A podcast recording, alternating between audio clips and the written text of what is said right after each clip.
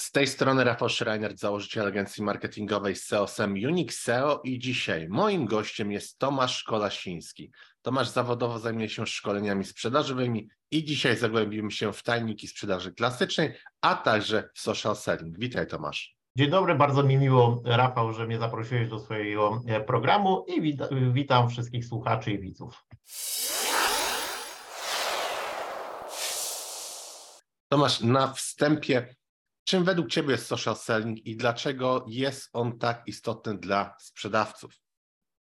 Ja powiem ze strony handlowej, e, czyli zacznę od końca. Istotny dla handlowca jest w tym kontekście, że jeżeli dobrze poukładamy te klocki w social sellingu, to tak naprawdę właśnie te sociale, w zależności od tego, gdzie jest nasz klient, czy to będzie LinkedIn, czy Instagram, czy Facebook, to kwestia ułożenia procesu sprzedażowego, mogą pracować na mnie, jako na handlowca, kiedy ja na przykład jestem, tak jak z Tobą teraz nagrywam e, odcinek, bądź na przykład mam spotkanie u klienta fizycznie, bądź na Zoomie, to cały czas sociale moje pracują na mnie. Dlatego to jest wygodne dla handlowca najnormalniej w świecie, bo moim zdaniem social selling to już jest styk marketingu ze sprzedażą. Pewnie zaraz sobie o tym w szczegółach porozmawiamy. No a w XXI wieku, e, jeżeli nie macie w socialach, to istnieje ryzyko, że w ogóle cię nie ma, bo jednak klienci, szczególnie ci nowi, no jak mają nas zweryfikować, jeżeli na przykład nie mają czasu albo zastanawiają się, czy w ogóle warto takiemu Kolasińskiemu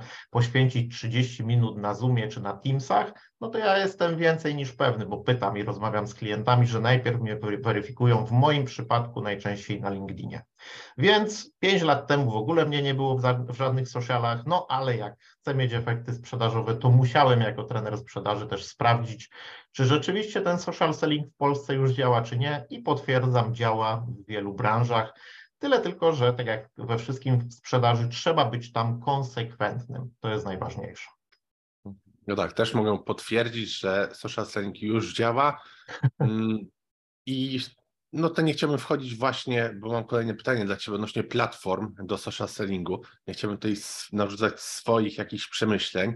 Jakie Może są właśnie twoje, jakie są tutaj Tomek Twoje przemyślenia odnośnie narzędzi i platform? Bo na przykład wiemy, że na LinkedInie jest bardzo popularny Sales Navigator. Meta, czyli Facebook, nie bardzo bym powiedział, żeby ten biznes się nadawał do tego. Więc jakie są tu, jakie jest Twoje zdanie na, twój, na, na ten temat? E, ja skupię się na y, sprzedaży B2B. A co mhm. za tym idzie, no tam w większości jest jednak komisja zakupowa. Czasem jest to przy małej firmie, powiedzmy, tylko właściciel, ale kiedy on ma dylemat, bo on ma na przykład dwie oferty na samochody służbowe do leasingu i wziął sobie dwie oferty, no to pytanie, kogo zapyta, bo na pewno nie przedstawicieli tych firm. Zapyta kogoś z wewnątrz firmy, czyli jest jakaś jego prawa ręka i są dwie osoby w komisji zakupowej. Mało tego, w większych korporacjach, jak ja na przykład sprzedaję swoją usługę, to najczęściej zapytanie wysyła na przykład dział HR, powiedzmy zbierają 3-4 oferty i potem mnie mam, że przedkładają to jakiemuś dyrektorowi handlowemu, a być może nawet jest kilka pionów, czyli na przykład RKS-om, regionalnym kierownikom sprzedaży i ci wybierają jedną, dwie oferty, a na końcu pewnie jeszcze dyrektor finansowy musi wyrazić zgodę i zaakceptować budżet, więc już zaczyna, mamy do czynienia z trzema, nieraz czterema osobami i najważniejsze, że ja mogę połapać te sznurki na LinkedInie, czyli jak zaczynam rozmowy z działem HR firmy X, i są to rozmowy na Zoomie, czy też wysłali mi zapytanie. Ja zawsze potem dzwonię, zawsze mam taki proces, że muszę wykonać telefon. To z automatu tą osobę, z którą rozmawiam, zapraszam do sieci kontaktów. Mało tego, sprawdzam, już wiem z doświadczenia, kto jest w tej komisji zakupowej, e, kto jeszcze ma konto na LinkedInie i od razu ich zapraszam, oczywiście z odpowiednią adnotacją, powołując się na przykład na fajną rozmowę z panią z HR-u, tak żeby zobaczyli jakieś nazwisko, które znają. No bo ten, to zapytanie mogę przegrać. Ja wychodzę zawsze z takiego założenia, ale właśnie zacząłem wywierać wpływ i przerzucę się zaraz na social selling, na przykład na pięć osób z tej komisji zakupowej i może za pół roku, za rok, za półtorej już następne zapytanie wygram albo będą chcieli konkretnie mnie tym, co dokładnie zrobię na LinkedInie, ale najpierw muszę ich mieć w sieci, żeby moje posty zaczęły im się wyświetlać. Mało tego, żebym mógł swobodnie w wiadomościach prywatnych z tymi ludźmi rozmawiać. Oczywiście to pytanie dotyczyło platform. Jeżeli rzeczywiście mocno już się wejdzie e, w social selling na LinkedInie, no to polecam Sales Navigatora, chociaż tu przyznam otwarcie, że ja z niego na przykład nie korzystam. To jest fenomen, bo dosyć dobrze umiem działać social sellingowo bez e, takiej platformy, dzięki postom na zasięgach, natomiast tu od razu polecę tym, którzy nas słuchają, Bartka Ziemiańskiego. Uważam, że to jest mocny zawodnik. Sam dla swoich klientów nieraz go polecam. Na dwóch chyba webinarach Bartka byłem i to, co mówił, mnie osobiście przekonywało, bo to było bardzo praktyczne i to może przyspieszyć. Czyli jeżeli nie macie na przykład czegoś takiego jak ja, że usługa zabiera Wam czas, sensie, no, jak, jak teraz rozmawiamy, czy jak prowadzę szkolenie, to nie mogę działać na, na Sales Navigatorze, ale jeżeli sprzedajecie produkt, drodzy handlowcy, to jak najbardziej najpierw nauczcie się LinkedIna, e, że tak powiem, bez dostawek, czyli bezpłatnych e,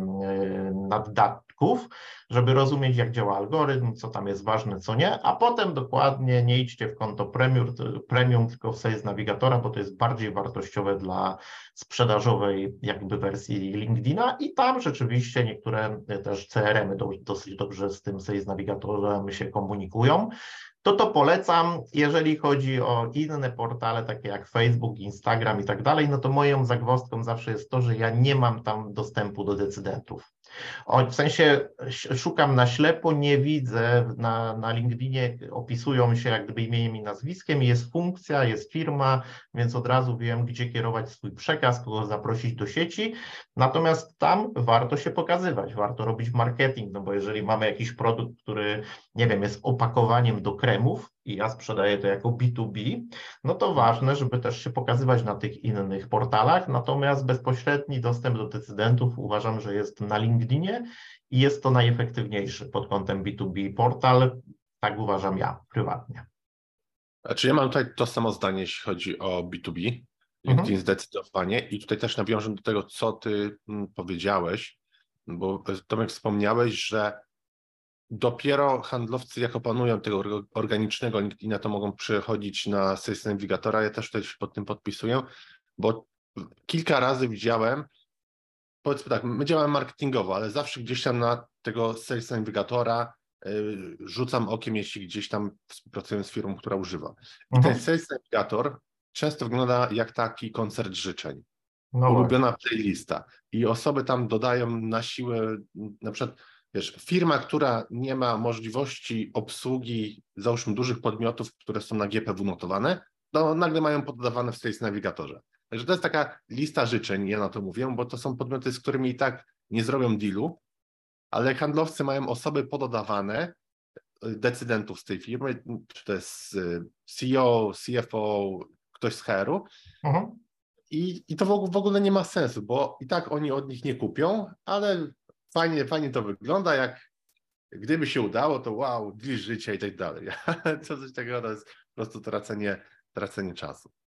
No tak, jak z każdym narzędziem trzeba wiedzieć, jak go używać i do jakich celów oraz właśnie jakie guziki tam trzeba nacisnąć, żeby efekt był. Także no, to, to trzeba robić z głową, ale, ale najpierw trzeba zrozumieć jakby portal LinkedIn jako taki, zrozumieć jego mechanizmy, na czym to polega, co e, przekłada się bezpośrednio na szybką rozmowę, na przykład z decydentem, jak wysyłać te pierwsze wiadomości, bo to nie może być akwizycja, wtedy spalimy kontakt, a potem jak już się tego nauczymy, nie wiem, w miesiąc, dwa, bo to wcale nie musi długo trwać, no to jak najbardziej zaczynamy dodawać sobie Sales Navigatora i to zaczynamy się układać w rozsądny e, plan i proces.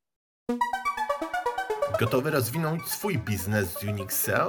Przyspiesz i wrzuć wyższy bieg. Bez znaczenia, czy prowadzisz duży e-commerce, czy lokalną firmę usługową. Za pomocą Google Ads, kampanii social media, w tym Facebook, LinkedIn, TikTok, Instagram i innych, a także pozycjonując organicznie w wyszukiwarkach, Unixel jest w stanie regularnie dowozić Tobie nowych klientów. Podejmij współpracę z najlepszym partnerem już teraz. Wejdź na unixel.pl i wypełnij formularz. Mhm, mhm to, o czym ty mówisz, to jest bardzo podobne do takiego marketingowego podejścia IBM, czyli account-based marketing, my na to mówimy. Mhm. Czyli po prostu marketing oparty na kontakt, że, że też wybieramy docelową firmę, z którą chcemy współpracować, odnajdujemy decydentów i następnie już poprzez social selling, komentowanie, działania, wiesz, buduje się tą relację. I właśnie, jakie są według Ciebie najlepsze sposoby na budowanie relacji z potencjalnymi klientami w ramach social sellingu? Co taka osoba może zrobić? Załóżmy, już wybierze sobie docelową firmę, z którą chciałaby współpracować, ma listę 5-10 firm i co może i co może dalej robić? Mhm.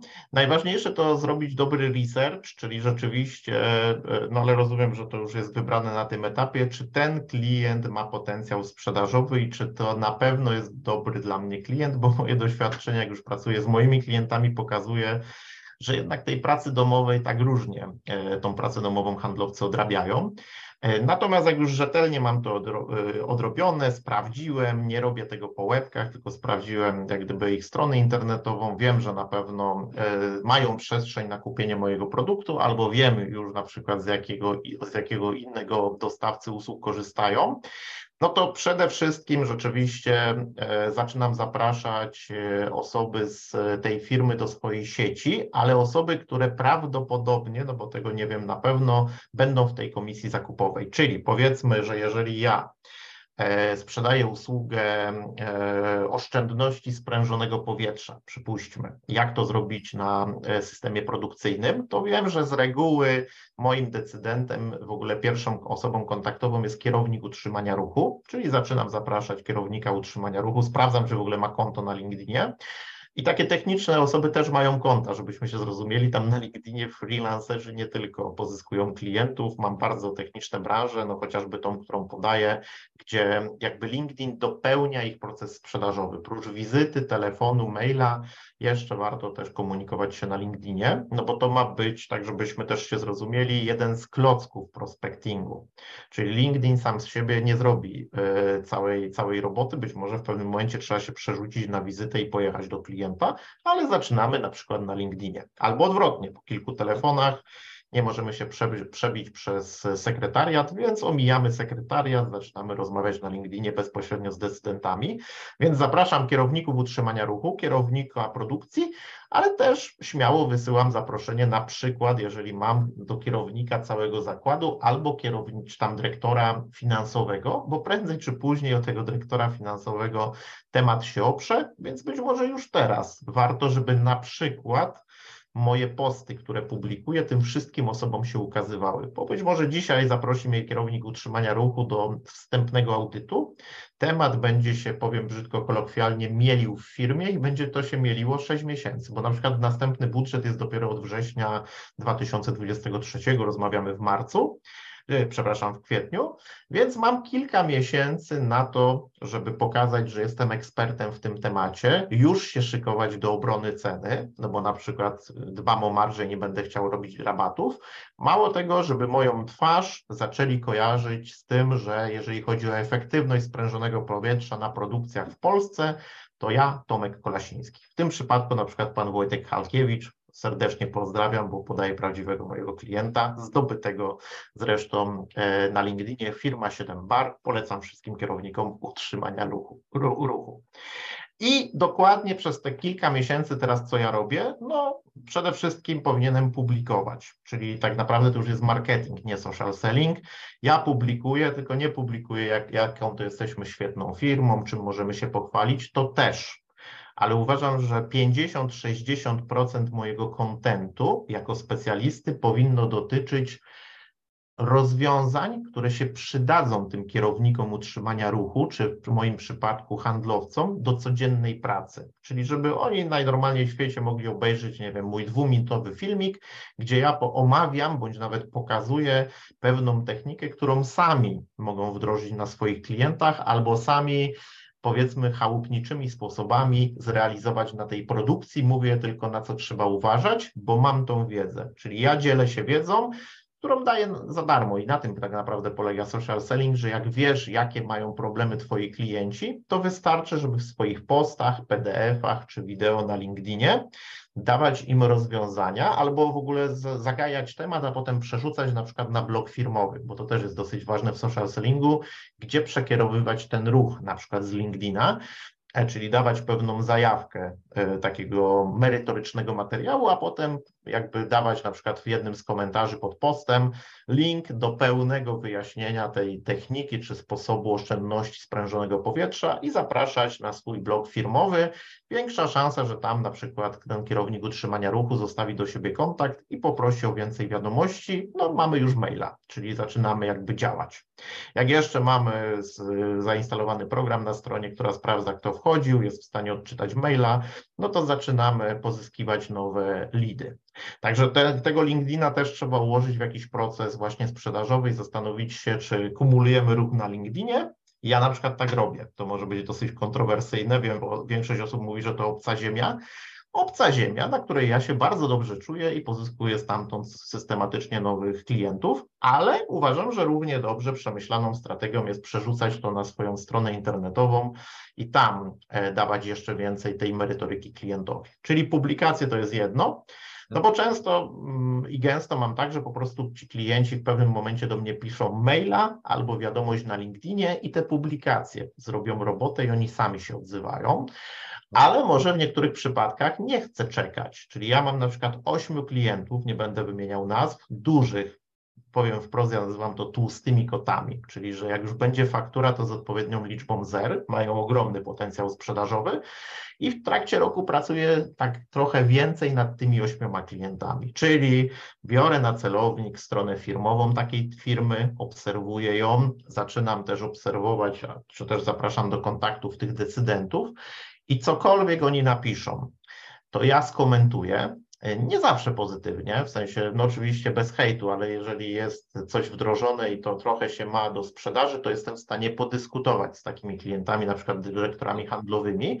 Oczywiście, jak się chwalą na przykład wpisem firmowym, że uzyskali przychód za pierwszy kwartał większy od pierwszego kwartału 2022, też zawsze skomentuję będę się pokazywał, żeby moja twarz i moje nazwisko zaczęło im się kojarzyć, żeby nawet z ciekawości weszli na mój profil, a czasem jestem w stanie przerzucić się też na wiadomości prywatne, czyli jeżeli e, zaczynam dyskusję na przykład pod ich postem, prywatnym czy firmowym nie ma znaczenia, to w pewnym momencie, oczywiście dyskusja musi być merytoryczna, no najlepiej dotyczyć tego, co ja też jestem w stanie zaoferować w swojej usłudze i w pewnym momencie przerzucam się na wiadomość prywatną i powiedzmy, że piszę, panie Rafale, świetnie się dyskutuje, widzę, że ma pan duże doświadczenie w sprężonym powietrzu, zastanawiam się, czy nie moglibyśmy o X, Y, Z, na przykład o tym, co rozmawialiśmy, porozmawiać na Zoomie, no bo nie wszystko da się wytłumaczyć y, online Pytanie, czy to dla Pana jest interesujące, znak zapytania.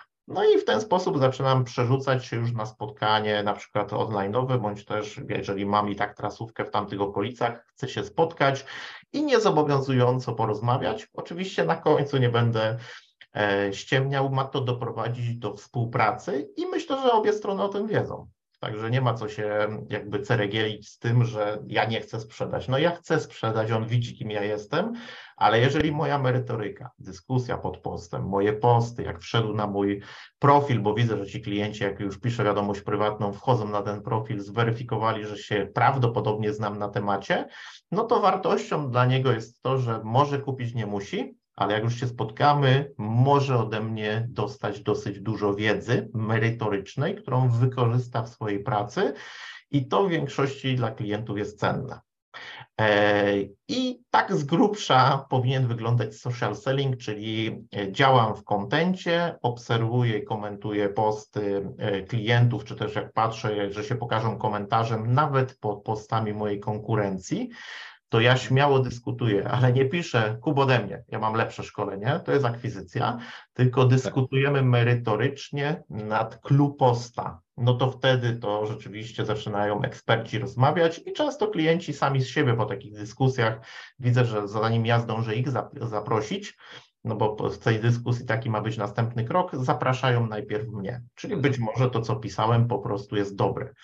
E, no więc ostatnia e, moja prośba, ok, takie komentarze pod tytułem super, serdecznie gratuluję sukcesów, są super na LinkedInie, ale dużo więcej, drodzy handlowcy, ugramy, jeżeli zaczniemy dyskutować, być może nawet iluś klientów stracimy, bo nasze podejście im się nie będzie podobało, bo to przeczytają. No, potrafi mieć kilka tysięcy zasięgów, ale właśnie merytorycznie. Wtedy tak naprawdę ludzie, którzy czytają, zaczynają wyrabiać sobie o nas opinię. Ten Kolasiński to zna się na, negocjacjach handlowych, social sellingu czy sprzedaży, czy nie? No w komentarzach można to pokazać, w postach można to pokazać. Im więcej pokazujecie, dyskutujecie o konkretnych, merytorycznych rzeczach, tym większa szansa, że klienci was zaszufladkują, o nie, gość się nie zna i nigdy nie przyjmują, nie przyjmą zaproszenia, albo nie, ten gość, ok, mogę się nie zgadzać z tym, co napisał tu i tu, ale widać, że ma podstawy merytoryczne do tej dyskusji, warto na przykład włączyć obserwuj pana od y, sprężonego powietrza, czy w moim przypadku Tomka Kolasińskiego od sprzedaży. I na tym to ma polegać. A potem dokładnie już wiadomości prywatne mają sprowokować do dalszego kroku, czyli albo do spotkania, jak macie tak ułożony proces sprzedażowy, albo być może już do rozmowy na temat oferty jako takiej, jeżeli klient jest gotowy. I akurat go złapaliście, że się tak kolokwialnie wyrażę na tym etapie. Mhm. Jak najbardziej ja też się pod tym podpisuję. Content, później przerzucanie z platformy na swoją stronę. Niech osoba już zostawia maila. Można też podglądać sobie bez wymieniania nazw platform, które oferują, na przykład to, że widzimy, kto z jakich firm chodził po naszej stronie, ale mhm. jest sporo takich softów. Możemy zobaczyć, jak często, po jakich podstronach chodzili. Więc też można powiedzieć, że ma podobne tutaj podejście do, do tego, co powiedziałeś, Tomek. Mm, jak według Ciebie czy social selling jest bardziej skuteczny niż takie tradycyjne metody sprzedaży? Tych tradycyjnych metod mamy dużo i mamy, wiesz, i Sandlera, i akwizycję, mm, tego jest naprawdę masa. To jakie jest swoje zdanie, gdybyśmy mieli porównać social selling i resztę tego koszyka?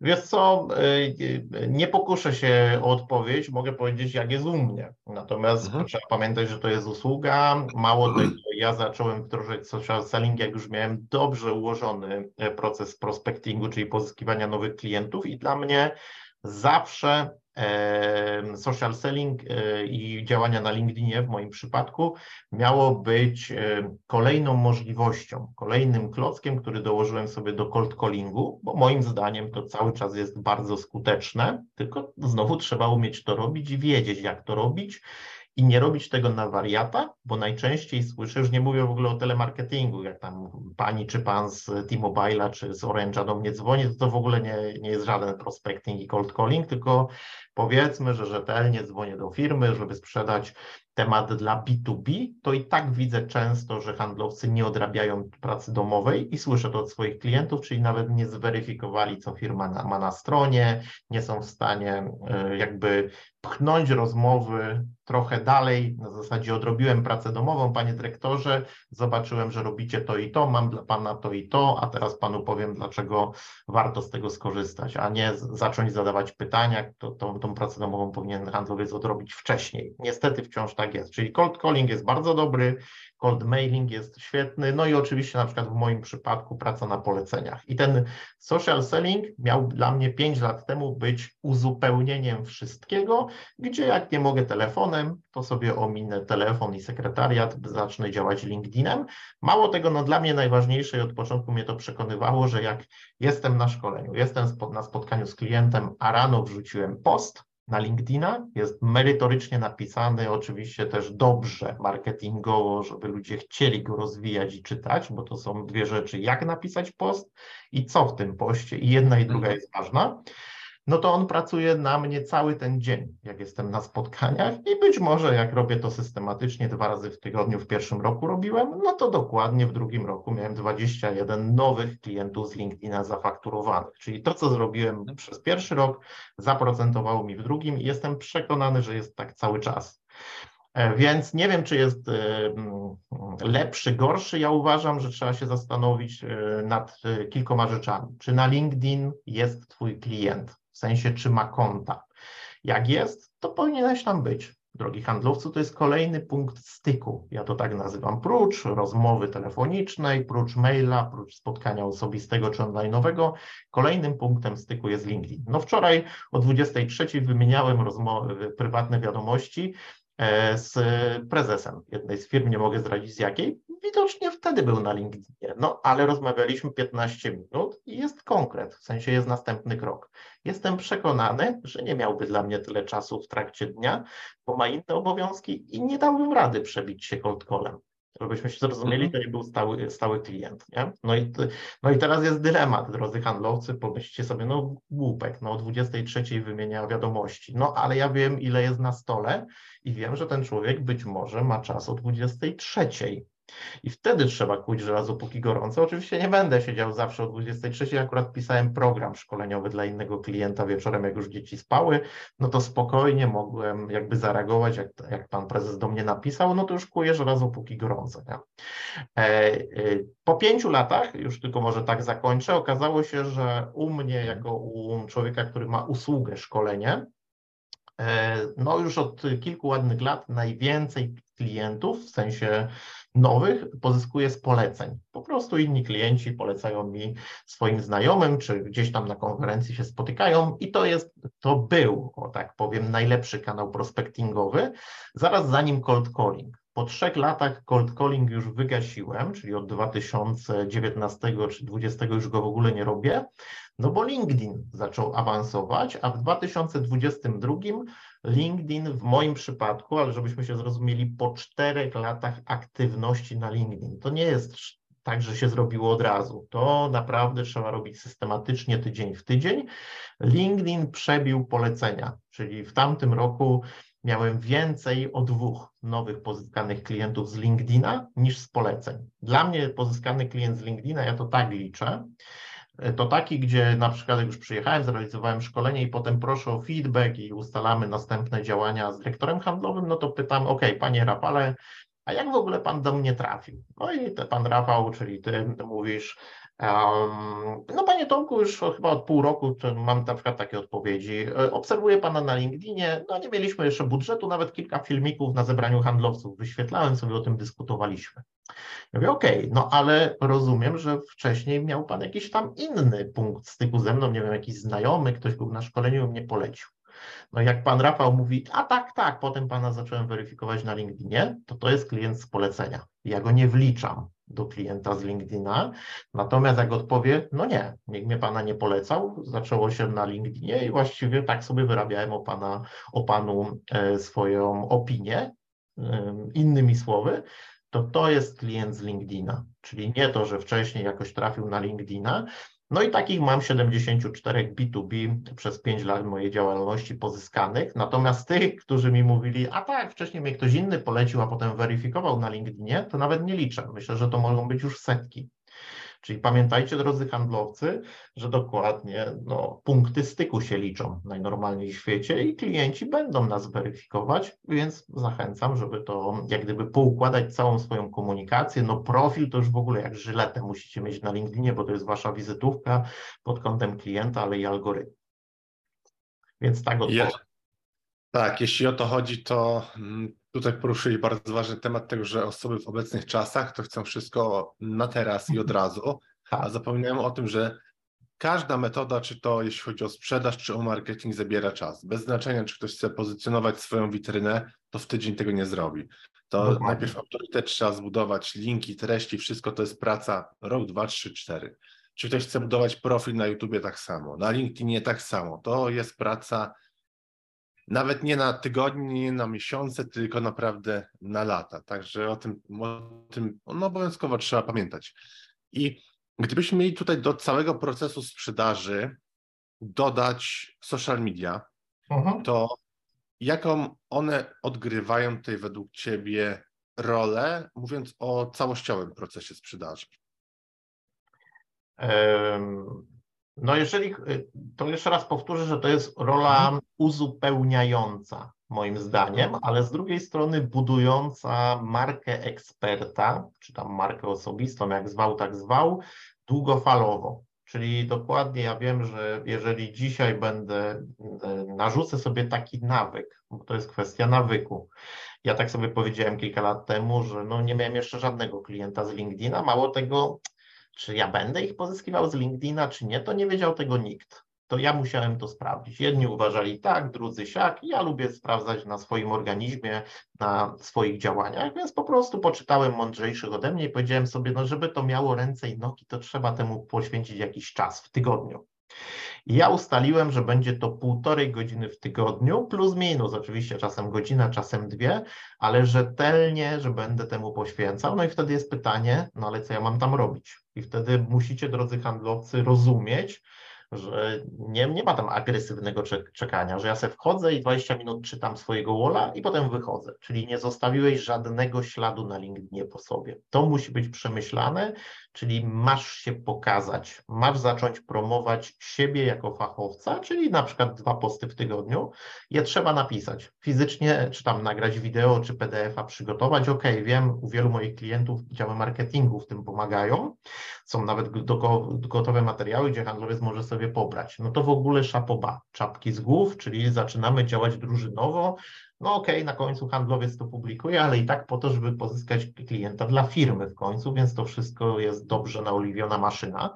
Ale tak czy owak, muszę to pobrać, muszę być może krótki tekst przygotować, jeżeli to jest PDF, zastanowić się, jakie hasztagi tam dać, to jest czas. Mało tego, jak już opublikujesz, to działa na Twoją korzyść, no ale wypadałoby na koniec dnia czy na, za dwa dni poodpowiadać na komentarze i mało tego zobaczyć, kto komentuje, bo może już zaczynają komentować Twoi potencjalni klienci, czyli albo dyskutujesz i przerzucasz się na wiadomości prywatne i z tego już może być zaraz zapytanie, czy też spotkanie, albo dokładnie odpowiadasz i zapraszasz do swojej sieci, bo właśnie Ci się ujawnił pewien decydent z firmy, którą obsługuje konkurencja Twoja, ale się ujawnił, zaczyna komentować, nieważne, że nie negatywnie, nieważne, że z pewną obawą, Ważne, że dyskutuje, pokazał ci się, znaczy, że chce dyskutować. Jeżeli chce, to ja jestem w stanie zmienić jego postrzeganie naszego produktu, specjalizacji i tak dalej. No być może, tak jak powiedziałeś, Rafał, będą potrzebne na to miesiące, ale zaczynamy właśnie ten proces.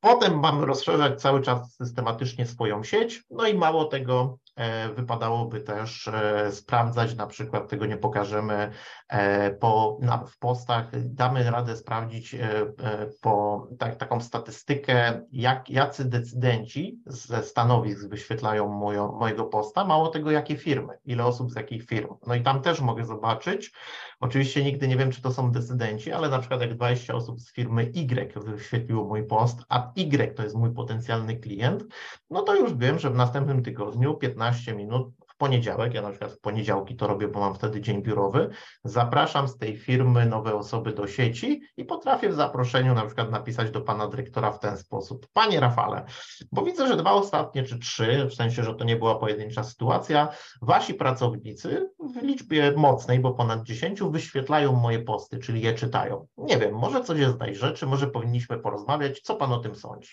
I tak za, i pozdrawiam Tomek Kolasiński, to jest pierwsza Ciekawe. moja wiadomość. Tak to dosyć jest, śmiało, nie? Ciekawa wiadomość, ale to też nie jest takie nachalne chodź i kup. To no, jest tak, okej, okay, nie? Zobaczymy. No. Mam przeróżne odpowiedzi, tam są normalni ludzie. Niektórzy na przykład mi piszą, o widzę panie Tomku, że będzie pan nam chciał coś sprzedać i uśmiech. No to ja piszę, a potrzebujecie coś ode mnie i uśmiech. No i zaczynamy tak rozmowę. Czyli też pamiętajmy, drodzy handlowcy, że to nie są sztywniaki, że trzeba, wiecie, strasznie piękną polszczyzną operować, jak w pismach, wiecie, tam jakiś do instytucji. To są normalni ludzie, im bardziej swobodnie, i tak dalej, tym lepiej. Oczywiście na końcu się merytoryką musicie obronić, czyli tą wiedzę fachową po prostu musicie być. Niektórzy nie odpowiadają, nie przyjmują zaproszeń, no okej, okay, widocznie dziś nie byli gotowi, natomiast jak wyślę do pięciu, sześciu decydentów, to gwarantuję Wam, doświadczenie pokazuje, że połowa odpowie, albo przyjmie, albo napisze, że Panie Tomku, dziękuję, nie znamy się, na tą chwilę nie jestem zainteresowany być w Pana sieci, okay, ja też odpowiadam, może za rok, za półtora. Zdarzało mi się, że dokładnie patrzyłem, no bo widzicie wtedy historię swojej korespondencji, że ostatnio sprzedałem klientowi, który trzy lata temu tak mi do, dokładnie odpowiedział na wysłanie zaproszenia, że on przyjmuje do sieci tylko znane osoby, które poznał osobiście. Po trzech latach gdzieś po drodze on mnie zaprosił, bez wiadomości w ogóle, no bo to widać, a ja zawsze wiadomość pierwszą piszę. No i po trzech latach e, zapytał, złożył zapytanie, a teraz realizuje u niego szkolenia. I nagle zmieniły mu się przyzwyczajenia, więc nie ma co się obrażać, że na tamtą chwilę klient nie był gotowy. jesteście za to konsekwentni, jesteście systematyczni. W związku z tym dokładnie to jest jakby w działaniach na LinkedInie najważniejsze, żeby przeznaczyć i zrobić z tego pewien nawyk, który, żeby nie wiem co, realizuje 52 tygodnie w roku, no może poza świętami urlopem, no bo wtedy trzeba się rzeczywiście zregenerować.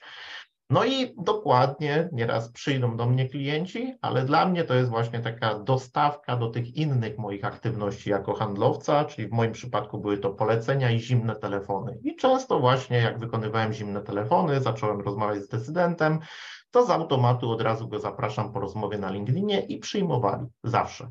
No bo może drugi raz już zimnego telefonu ode mnie nie odbierze, nie będzie chciał i tak dalej. Może nie ma budżetu, może na tą chwilę w ogóle nie jest gotowy na to rozwiązanie. No to teraz mam kilkanaście tygodni, miesięcy, a może ze dwa lata, żeby zaczęły mu się wyświetlać moje posty. I potem się okazuje, że nagle to on do mnie się zgłasza i to już jest zmieniona w ogóle, wiecie, e, siła i natężenie w procesie sprzedaży, bo to już teraz klient chce, a nie ty do niego dzwonisz. No ale muszę mieć ten punkt, punkt styku. Najważniejsze w sprzedaży są punkty styku. Im ich więcej, tym lepiej. LinkedIn jest jednym z kolejnych punktów styku. I ja to tak mhm. postrzegam. Tutaj, jeśli e, nawiązując do tego, co powiedziałeś, Tomek, mm, czasem spotykam się z czymś takim, że tego typu strategie to działają dla osób indywidualnych w B2B i tak dalej, ale e, jak osoby nas słuchają, pomyślcie, przecież to sam może robić firma albo osoba w imieniu firmy i wystarczy po prostu płatną dystrybucją, czyli e, reklamowo podbijać sobie te posty, tworzyć fajny content i tak samo spływają lidy, czy kontakty, czy jakieś prośby ofertowe do działu sprzedaży i to już można dzielić po prostu na swoich pracowników. I to jest dużo lepsze podejście, y, tworzyć reklamy z tymi postami merytorycznymi niż na zasadzie jesteśmy firmą X, sprzedajemy fotowoltaikę, załóż panele od nas, nie? Uh-huh. A, a, a dla przykładu w kontraście można stworzyć post 10 rzeczy, które musisz wiedzieć, zanim tam decydujesz się na jakieś tam czyli coś innego. I my tak, też, czyli... też to zawsze robimy u swoich klientów i odzew jest mega. Wystarczy puścić dwie kampanie, jedną na ta, taką klasyczną, chodź i kup do nas, jesteśmy firmą najlepszą, czy mamy 20 lat doświadczenia, bla, bla, bla, kontra merytoryczne i wyniki są od razu, że tak osoba zarządzająca po tygodniu mówi, dobra, słuchajcie, robimy tak, jak wy tutaj każecie. Tak, ale mm. to masz rację. No, y, ja pokazuję jakby z um, optyki handlowca, że ja mam wpływ na swoje konto, na swoje tak. działania. Jeśli firma jeszcze mnie wspomoże działaniami sponsorowanymi, płatnymi reklamami na LinkedInie, jeszcze prowadzi swoje konto firmowe i to wszystko zaczyna być połączone i jeszcze na przykład dział marketingu przygotowuje dla handlowców w ogóle posty, w sensie nie tam ulotki i tak dalej, to Mamy XXI wiek, to na tym w B2B na czym innym marketing polega, tylko na przykład gotowe PDF-y, gdzie pokazujemy swoje rozwiązanie w case na innym kliencie i ja właściwie tylko mogę to podczepić, opublikować jako swój post, dać kilka zdań, odpowiednie hasztagi, mam materiał gotowy, no to już jest w ogóle super. I, te, i to ma sens. To wtedy jak gdyby mhm. zaczynamy tworzyć dużą maszynę sprzedażową, gdzie handlowiec ze swojego konta odpowiednio działa postami, pewne rzeczy pisze sam, pewne bierze z firmy, wzmacniamy jeszcze ten przekaz sponsorowanymi jakby kampaniami, no i to już jest proces, a nie takie ad hoc mhm. Hmm? Tak. I tutaj porozmawialiśmy głównie o pozytywach, a jakie najczęstsze ty błędy widzisz? Teraz zacznijmy właśnie z tej drugiej strony, jak e, sprzedawcy, jakie sprzedawcy po prostu popełniają podczas social sellingu? Bo tych spadek jest sporo, prawda? No pierwszy to zdecydowanie ja chcę już. Jak ja y, powiedziałem, że po pierwszym roku działania miałem zero faktur, czyli zero sfinalizowanych tematów, około 330 godzin na to poświęciłem, bo ja się uczyłem od początku LinkedIna, e, no to dokładnie niektórzy są przerażeni. Większość moich klientów ma efekty po 3-4 miesiącach. To zależy od skomplikowania produktu, od ich pomysłu na content, odwagi trochę w działaniach na LinkedInie. Natomiast ja miałem po roku. Natomiast w drugim roku miałem 21, 21 nowych pozyskanych klientów. Jestem przekonany, że to były plony, które zebrałem z tego, co zrobiłem w pierwszym roku. Tak, w B2B to y, po, po pierwsze cykl sprzedaży jest bardzo rozciągnięty. Dokładnie. Im droższa usługa, tym ten cykl jest bardziej rozciągnięty. I dwa, że najpierw musimy zbudować tą rozpoznawalność zasięg, bo zanim, powiedzmy sobie tak, w pierwszym miesiącu robisz działania, ale w 15 miesiącu robisz to samo i masz zasięg razy 10, 50 Tak. i robisz to samo.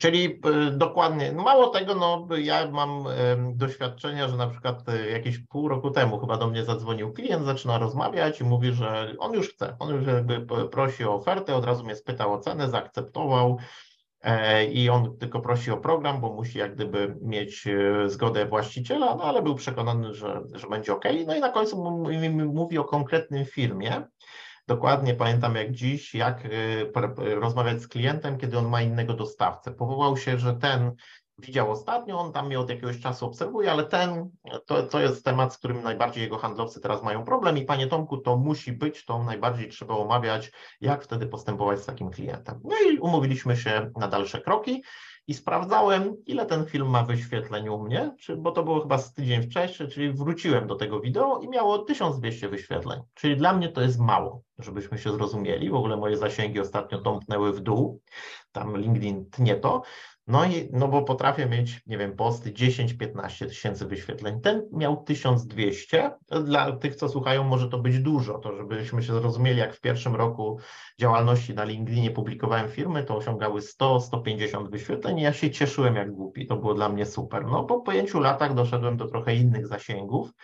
E, Natomiast 1200 to dla mnie mało na tle innych postów, ale na ten post powołał się ten klient, czyli nie sugerujcie się za wszelką cenę, drodzy e, handlowcy zasięgami, bo może się okazać, że dokładnie te bardziej merytoryczne, techniczne rzeczy, gdzie coś omawiacie, PDF-y, w których pokazujecie, będą miały mniejsze zasięgi, za to będą je czytali ci, co powinni. Dokładnie wasi decydenci i potem dzięki tym mniej zasięgowym postom właśnie przyciągniecie e, tych, e, którzy chcą kupować, jak pokazuje ten przykład. Więc w ogóle się tym nie sugeruję, bo często na LinkedInie trwa dyskusja, co sprawdzać i tak dalej. No na pewno nie zasięgi, moi mili. Są inne, lepsze KPI, które trzeba sprawdzać. Raz mogę mieć zasięg 500, drugi raz 5000. Ważne, żebym robił to systematycznie.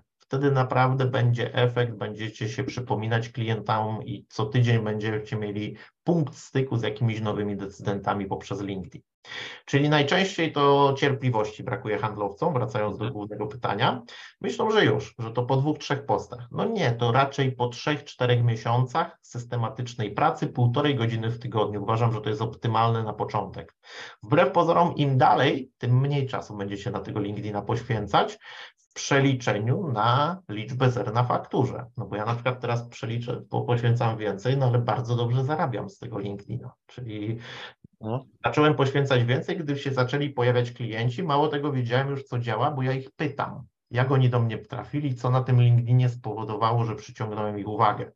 Czyli druga rzecz, którą być może handlowcy, znaczy jestem pewny, że większości nie robią, nie pozyskują, już nawet nie tylko o social selling chodzi, ale w ogóle, co przekonuje tych klientów, którzy kupili, co najbardziej wpłynęło na tą decyzję, bo wtedy to tylko trzeba te rzeczy wzmacniać i oczywiście wtedy też pytajcie, czego brakuje albo co szwankuje w naszej komunikacji jako firmy, bo oni raczej rzetelnie powiedzą, nie będą ściemniać, bo i tak są zadowoleni.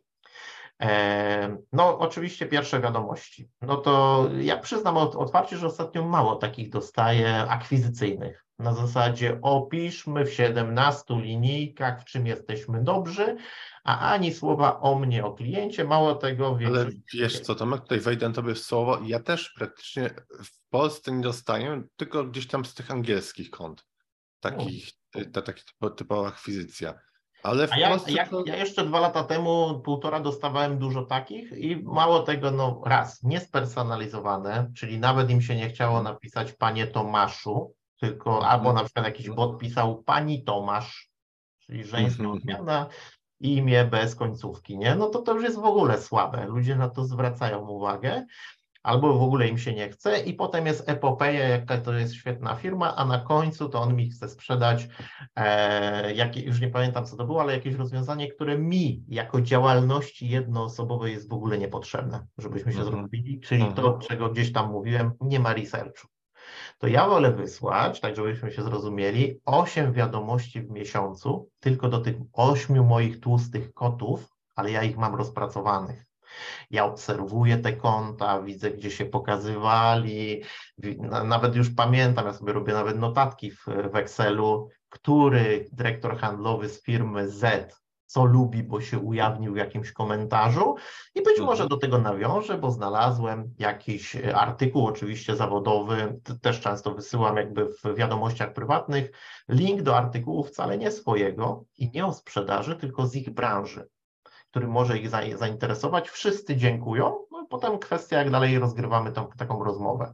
Czyli właśnie o to chodzi, że często my handlowcy nie mamy na uwadze dobra klienta, a wtedy chętnie od nas kupi. Jak za- zaczniemy mu dawać wartość w postaci, że wykonaliśmy pracę domową i piszemy o tym, albo poddajemy mu to, co mu się sprawdzi w branży, z czego w tej chwili ma kłopot, to wtedy to ma sens. Nie piszemy ja, ja jestem najlepszy, ja robię super szkolenia, ja świetnie robię e, audyty sprężonego powietrza, ja mam najlepsze samochody leasingowe. Klient tak Mhm. guzik obchodzi, co ty, jeżeli cię nie zna. Najpierw zbuduj markę eksperta, to wtedy chętnie posłucha, ale nie w pierwszej wiadomości się to robi, Mhm. w sensie sprzedaży. A gdybyśmy mieli y, cofnąć się do początku social sellingu, czyli w sumie tego, co jest przed social sellingiem, bo y, No, jedno pytanie tobie zadałem odnośnie profilowania, Mm, to uważasz, że co może pomóc w identyfikacji tych idealnych, docelowych klientów, którzy dopiero mogą wpaść w ten nasz lejek social sellingowy? Bo tutaj pomijam na przykład już, że w Sales Navigatorze na LinkedInie można sobie to ICP klienta y, wybierać, czyli na przykład, nie wiem, firma tylu i tylu pracowników, tyle i tyle y, annual review,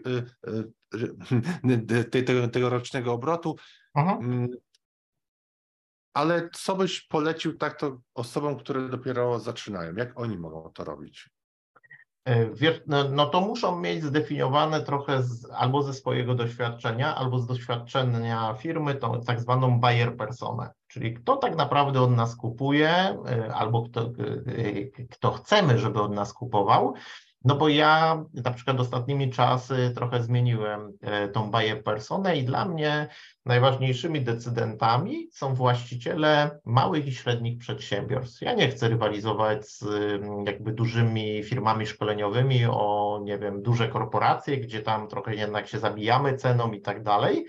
A widzę, że y, jakby ścieżka decyzyjna w takich firmach, gdzie jest, nie wiem, 100-200 pracowników i na przykład 12 handlowców, 10, to jest dla mnie idealny klient. Jak ja nazbieram takich kilkunastu, to sobie spokojnie wypełnię jakby swój kalendarz. Mało tego, wolę mieć dużo mniejszych klientów niż jednego dużego, bo jak go stracę, to wtedy jest dopiero kłopot, już to przerabiałem. E, I dla mnie jakby najważniejsze jest właśnie wtedy weryfikowanie no, z innych źródeł, niekoniecznie z LinkedIna, chociaż jak mają dobry profil, to też sobie sprawdzę, czy dokładnie jest właściciel, czyli ostateczny decydent albo od razu dyrektor jakiś operacyjny, handlowy, to ja pomijam te wszystkie dolne szczeble typu HR, zakupy i tak dalej, no bo mogę w przypadku swojej usługi. Jak macie produkt, no to raczej zakupów nie pominiecie działu zakupów, ale to możecie jakby zapraszać i zakupy i na przykład dyrektora finansowego.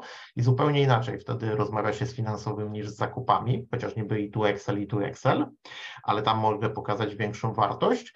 I y, jak gdyby w ten sposób poszukuję klientów, wcale nie patrzę specjalnie na, ale to jest moje doświadczenia, na to, jak, jakie firma zrobiła obroty i tak dalej, no bo to jest kwestia priorytetów, na co jakby kładą priorytet. Ja już wystarczy, że mam rozmowę z decydentem, to potrafię wykreować potrzebę szkoleniową i pokazać mu, ile może zarobić więcej, jeżeli dobrze ten proces jakby sprzedażowy włożymy.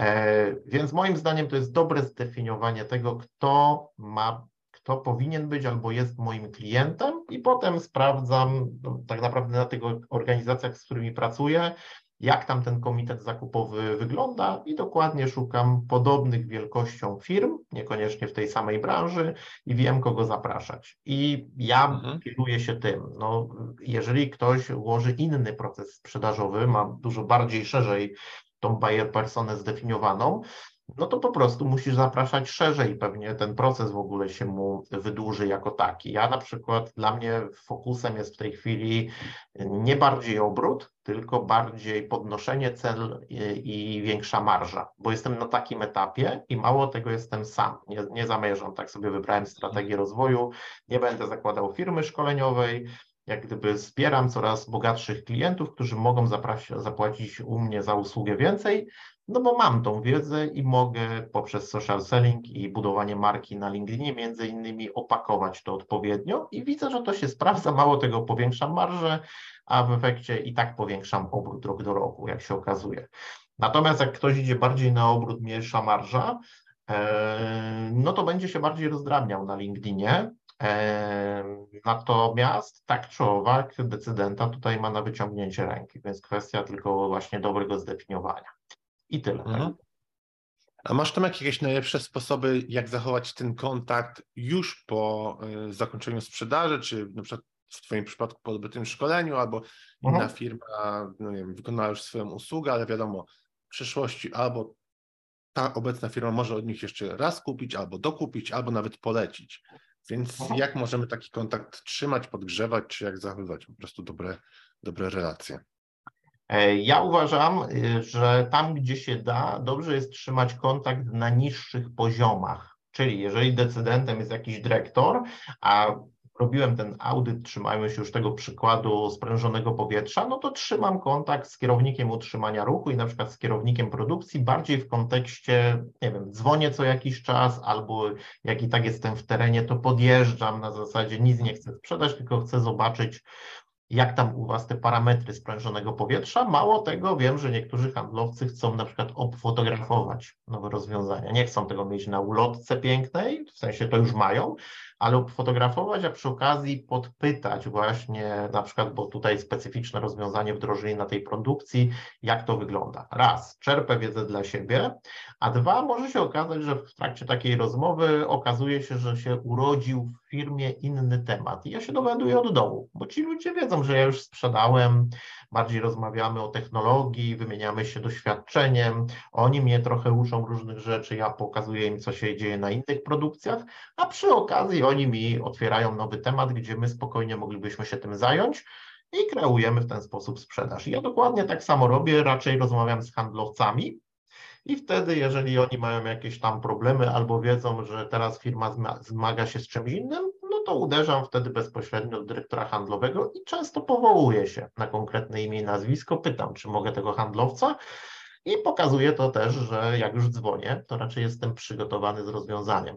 Czyli jeżeli nie wiem, Marcin, handlowiec z firmy X powiedział mi to, zweryfikowałem to jeszcze u Uli jako handlowca, to zanim zadzwonię do decydenta, mam do zaproponowania na przykład dwa rozwiązania na ten temat, od razu przechodzę do merytoryki i sprzedaję najnormalniej w świecie. No oczywiście takim podtrzymywaniem follow-upami fajnymi jest to, jeżeli możecie dać jakąś wartość, drodzy handlowcy, czyli jeżeli wasza firma robi jakiś webinar gdzie mogę zaprosić, nie wiem, na przykład moją grupą docelową są projektanci, którzy mogliby się nauczyć, bo na przykład zaprosiliśmy na ten webinar nawet nie swojego pracownika, tylko, nie wiem, doktora jakiejś politechniki, który będzie tłumaczył nową technologię, która być może dopiero w Polsce będzie w przyszłości wdrażana. Wierzę, że wielu projektantów będzie tym zainteresowane. Potem tylko kwestia, co po tym webinarze zrobimy, czy to zostawiamy jako, OK, daje nową wartość, Przypominam się, jestem z firmy X. Pamiętajcie, że firma X dzieli się też takimi nowinkami, ale doświadczenie pokazuje, że nawet przy zaproszeniu na ten webinar handlowcy niektórych klientów po prostu obdzwaniają, nie tylko maila wysyłają z linkiem, ale obdzwaniają i przy takiej rozmowie, no bo jakby um, cel jest zaprosić na webinar, mogą się pojawić nowe tematy i mam takie doświadczenia, że dokładnie, ja akurat mało robię webinarów, ale jak robiłem i dzwoniłem do konkretnego klienta, no to przy, po pięciu telefonach w jednym się okazywało, a dobrze, że pan, panie Tomku dzwonił, mamy jeszcze taki mały temacik szkoleniowy, tylko nie wiem, czy pan się go podejmie. No i teraz no, akurat zadzwoniłem, oni mieli temacik, ale nie pamiętali, w sensie być może dopiero mieli rozsyłać zapytania do firm szkoleniowych, ja jestem pierwszy, no bo akurat zadzwoniłem. Czyli bardziej uważam, że trzeba wykorzystywać takie sytuacje, normalne, gdzie ja chcę się dzielić wiedzą, albo po prostu poświęcić chwilę klientowi, żeby on mi powiedział, jak moje rozwiązanie sprawdza się u niego w warunkach, na przykład po miesiącu, półtora już adaptacji, raz, że piekę dwie pieczenie tak naprawdę. Biorę feedback, może dzięki temu też coś jesteśmy w stanie ulepszyć w tym rozwiązaniu, no bo to jest z pierwszej ręki od klienta. Dwa, no sprawdzam, czy nowe tematy się nie urodziły i raczej ja to robię i tak rekomenduję z tych niższych poziomów, bo one są zaangażowane w tą technologię i chętnie porozmawiają. Mhm, mhm. Mam do Ciebie, Tomek, jeszcze jedno pytanie. Mm, weźmy naszą szklaną kulę i spróbujmy powróżyć, co tam przyszłość nam przyniesie. Okay. Jakie Ty przewidujesz trendy i w sprzedaży, i w social sellingu, czyli na co powinniśmy zwrócić uwagę tak przyszłościowo, no bo wiadomo, im wcześniej się zacznie robić coś nowego, wskoczyć na ten trend, to de facto możemy stać się taką topką w czymś. No tak jak na przykład 4 lata temu osoby zakładały konto na TikToku, prawda? To, to też obecnie mam dużo bardziej rozwinięte niż na przykład ja bym się zdecydował dzisiaj tam dołączyć. I może tutaj przewidujesz jakieś trendy na sprzedaż, na social selling? Mhm. E, no, bardziej będę myślał o takim dziesięcioletnim horyzoncie, bo co dalej, to nawet nie chciałbym ryzykować i wróżyć. Uważam, że na przykład na LinkedInie, bo widzę, bo od tego zaczęliśmy, więc tutaj też pierwsza moja myśl, e, coraz bardziej będą cięte zasięgi organiczne. Chyba LinkedIn robi to samo co Facebook. Więc powoli trzeba mentalnie przygotować się na to najgorsze, że być może już od pewnego momentu, ale obstawiam, że to będzie za jakieś 3-4 lata, nie wcześniej, więc jest jeszcze dosyć dużo przestrzeni. Jak już dzisiaj handlowcu zaczniesz działać, to uzbierasz na tyle dużo kontaktów, że spokojnie potem będziesz mógł wiadomościami prywatnym robić social selling, ale raczej będzie trend wygaszania, czyli monetyzowania kampanii płatnych i tak dalej. No i okej, okay, trzeba się na to przygotować, ale cały czas będzie się ta platforma moim zdaniem dobrze miała, bo tam jednak widzę, że cały czas nowi ludzie zakładają konta, więc trzeba pamiętać, ja zawsze też tak o tym myślę, że dzisiaj taki młody handlowiec dla mnie albo pracownik produkcji może ma 28 lat, zaczyna swoją pracę. I ja tak naprawdę myślę o, o social sellingu jako o maratonie, więc ja już dziś chcę, żeby on był w mojej sieci i tenże handlowiec w moim przypadku uczył się na mnie, ode mnie fachu i zaczęło mu się budować w głowie przekonanie, że Kolasiński to jest najlepszy specjalista od B2B negocjacji handlowych w Polsce, bo jak za 10 lat awansuje na dyrektora handlowego, to kogo zaprosi do współpracy, żeby szkolił jego handlowców? No właśnie. I dziś już trzeba siać, żeby za kilka lat zebrać efekty, więc nawet jak zasięgi padną, to i tak to będzie dobrze funkcjonowało. Jestem o tym przekonany.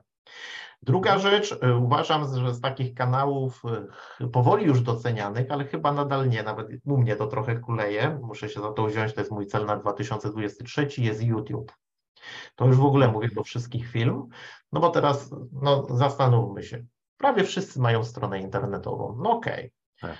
A teraz ilu Polaków E, i w ogóle nawet w B2B czy w B2C nie korzysta w ogóle z YouTube'a. Z nudów se wieczorem nie wrzuci, nie wiem, czy stand-upu, czy czegokolwiek innego. No i teraz cała zabawa polega na tym, no, że przecież YouTube sugeruje pewne firmy.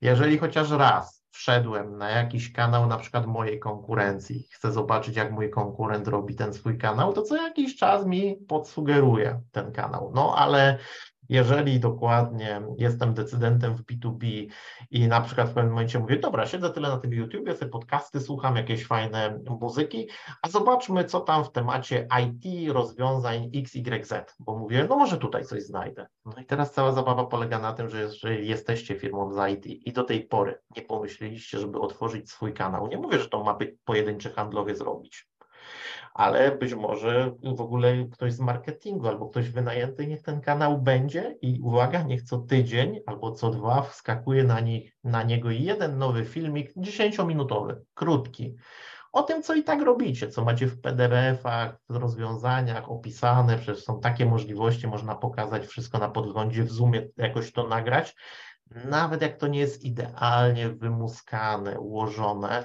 zróbcie to na czwórkę z minusem. Ja tak zacząłem działać na LinkedInie. Te moje filmy naprawdę pozostawały dużo do życzenia, bo się uczyłem. No chyba, że macie budżet na wynajęcie zewnętrznej firmy, to w ogóle super.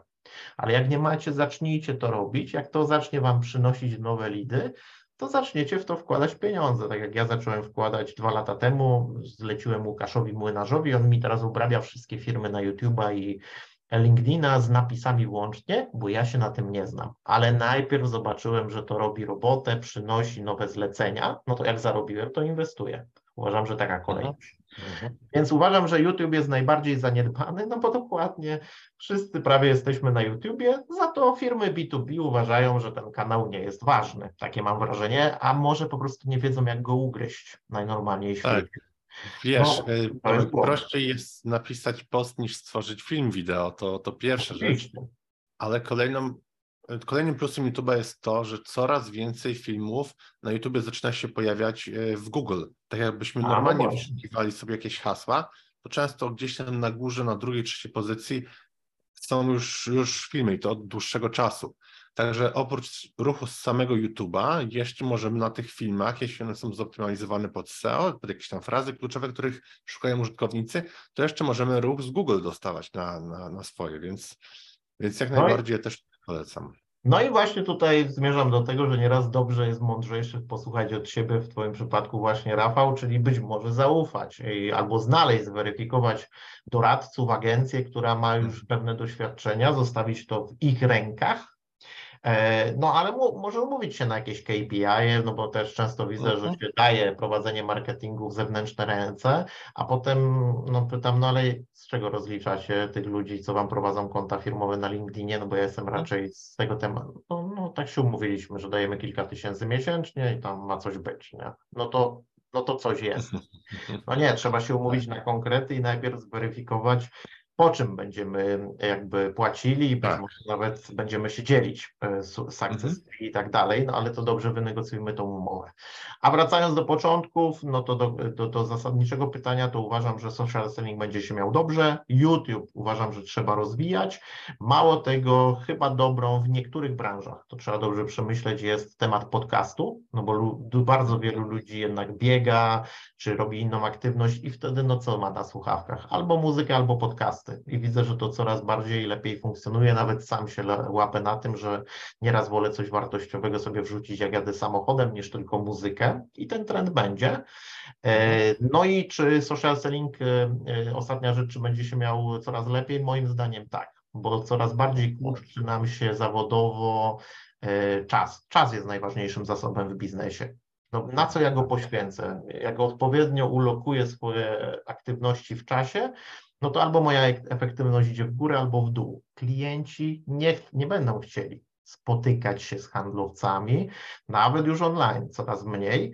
Oni już weryfikują pewne rzeczy albo przez polecenia, ale najłatwiej, jak nie mają kogo zapytać, przez internet. W związku z tym tam mhm. tych punktów styku, czy YouTube, czy LinkedIn, czy podcast powinno, czy na przykład dobry blog prowadzony na stronie firmowej, powinno być dużo, tak żeby ten klient no, będzie miał czas zaprosić czterech y, dostawców? Raczej nie, może zaprosi po prostu dwóch. No to mhm. dokładnie zweryfikuje przez internet, których dwóch. Nie macie handlowców w internecie, niedobrze, albo jakby zaniedbaliście jako firma temat właśnie YouTube'a, blogu e, na swojej stronie internetowej, no to potem nigdy nie będziesz w stanie się wbić w tą dwójkę, bo na poziomie weryfikacji mhm. nie istniejesz. No i uważam, że taka będzie tendencja. Tutaj jeszcze nawiązując do podcastów, to mam tak samo. Nie pamiętam, kiedy ostatni raz słuchałem radia w aucie, bo u mnie cały czas lecą podcasty. A no właśnie. Ulubionych tak pomiędzy 5 a 7, które subskrybują regularnie publikuję i więcej tego kontentu mam niż po prostu jeżdżę samochodem, więc zawsze mam powiedzmy jakieś lagi z tymi podcastami, ale to jest mega fajne. Ja podcast odkryłem sam dwa lata temu, żałuję, że nie wcześniej, bo naprawdę z, z takich prawdziwych rozmów z pola bitwy, że tak powiem, mhm. można się dowiedzieć milion rzeczy więcej niż z kursów, czy, czy z takich szablonowych powiedzmy blog postów w stylu definicji i tak dalej. Także ja polecam wszystkim, którzy jeszcze się nie przekonali do podcastów, a na przykład oglądają nas na YouTubie, to potestujcie, czy tam Spotify, czy Apple, czy Google Podcasty, czy jakie tam inne, inną platformę preferujecie i zobaczcie, jak fajnie można spędzić czas zamiast słuchać po prostu muzyki. Mm, tak Tomek, jeśli ktoś chciałby się z Tobą skontaktować, to rozumiem bankowo LinkedIn. Tak jest. I sporo kontentu masz na swoim blogu. E, Wbrew pozorom nie właśnie. E. Trochę to, ale to przemyślana decyzja, że ja jednak kumuluję e, mocno na kanale LinkedIn swój ruch. Mhm. Tam macie też w sekcji o mnie w moje, w, na moim profilu bezpośrednio do mnie telefon, także można też od razu zadzwonić, ale ja na LinkedInie jestem codziennie, więc w przeciągu 24 godzin na pewno odbiorę, odpowiem na każdą wiadomość. Jeżeli jesteś kimś z sił sprzedaży albo zarządzać sprzedażą, e, drogi słuchaczu czy też widzu, zachęcam, zaproś mnie do swojej sieci. Może nawet jak nie będziemy współpracować, to wzajemnie od siebie będziemy czerpać jakąś fajną wiedzę. Kto wie. Ja tutaj polecam właśnie profil Tomka, można się sporo dowiedzieć, nawet jak nie jesteś, że tak powiem, w tym docelowym targecie, to można sporo po prostu informacji do swoich działań, codziennych poczynań zebrać. E, A z mojej strony to zachęcam osoby wszystkie, które interesują się social sellingiem, żeby udostępniały dalej ten podcast czy ten film na YouTubie, w zależności gdzie oglądacie bądź słuchacie, dla wszystkich osób, którym to może się przydać, bo social selling to jest doskonała metoda, żeby bez zewnętrznych budżetów budować czy to swój brand, czy rozwijać dalej firmę, czy nawet handlowcy mogą indywidualnie zdobywać klientów, za których będą mieli na przykład dodatkową prowizję niż za takich, których podsyła im dział marketingu. Także Mhm. tutaj zachęcam jak najbardziej do udostępnienia dalej. I co Tomek, wszystkiego dobrego i dzięki za mega fajną rozmowę. Dziękuję pięknie, Rafale. Pozdrawiam słuchaczy i widzów. Ja również pozdrawiam.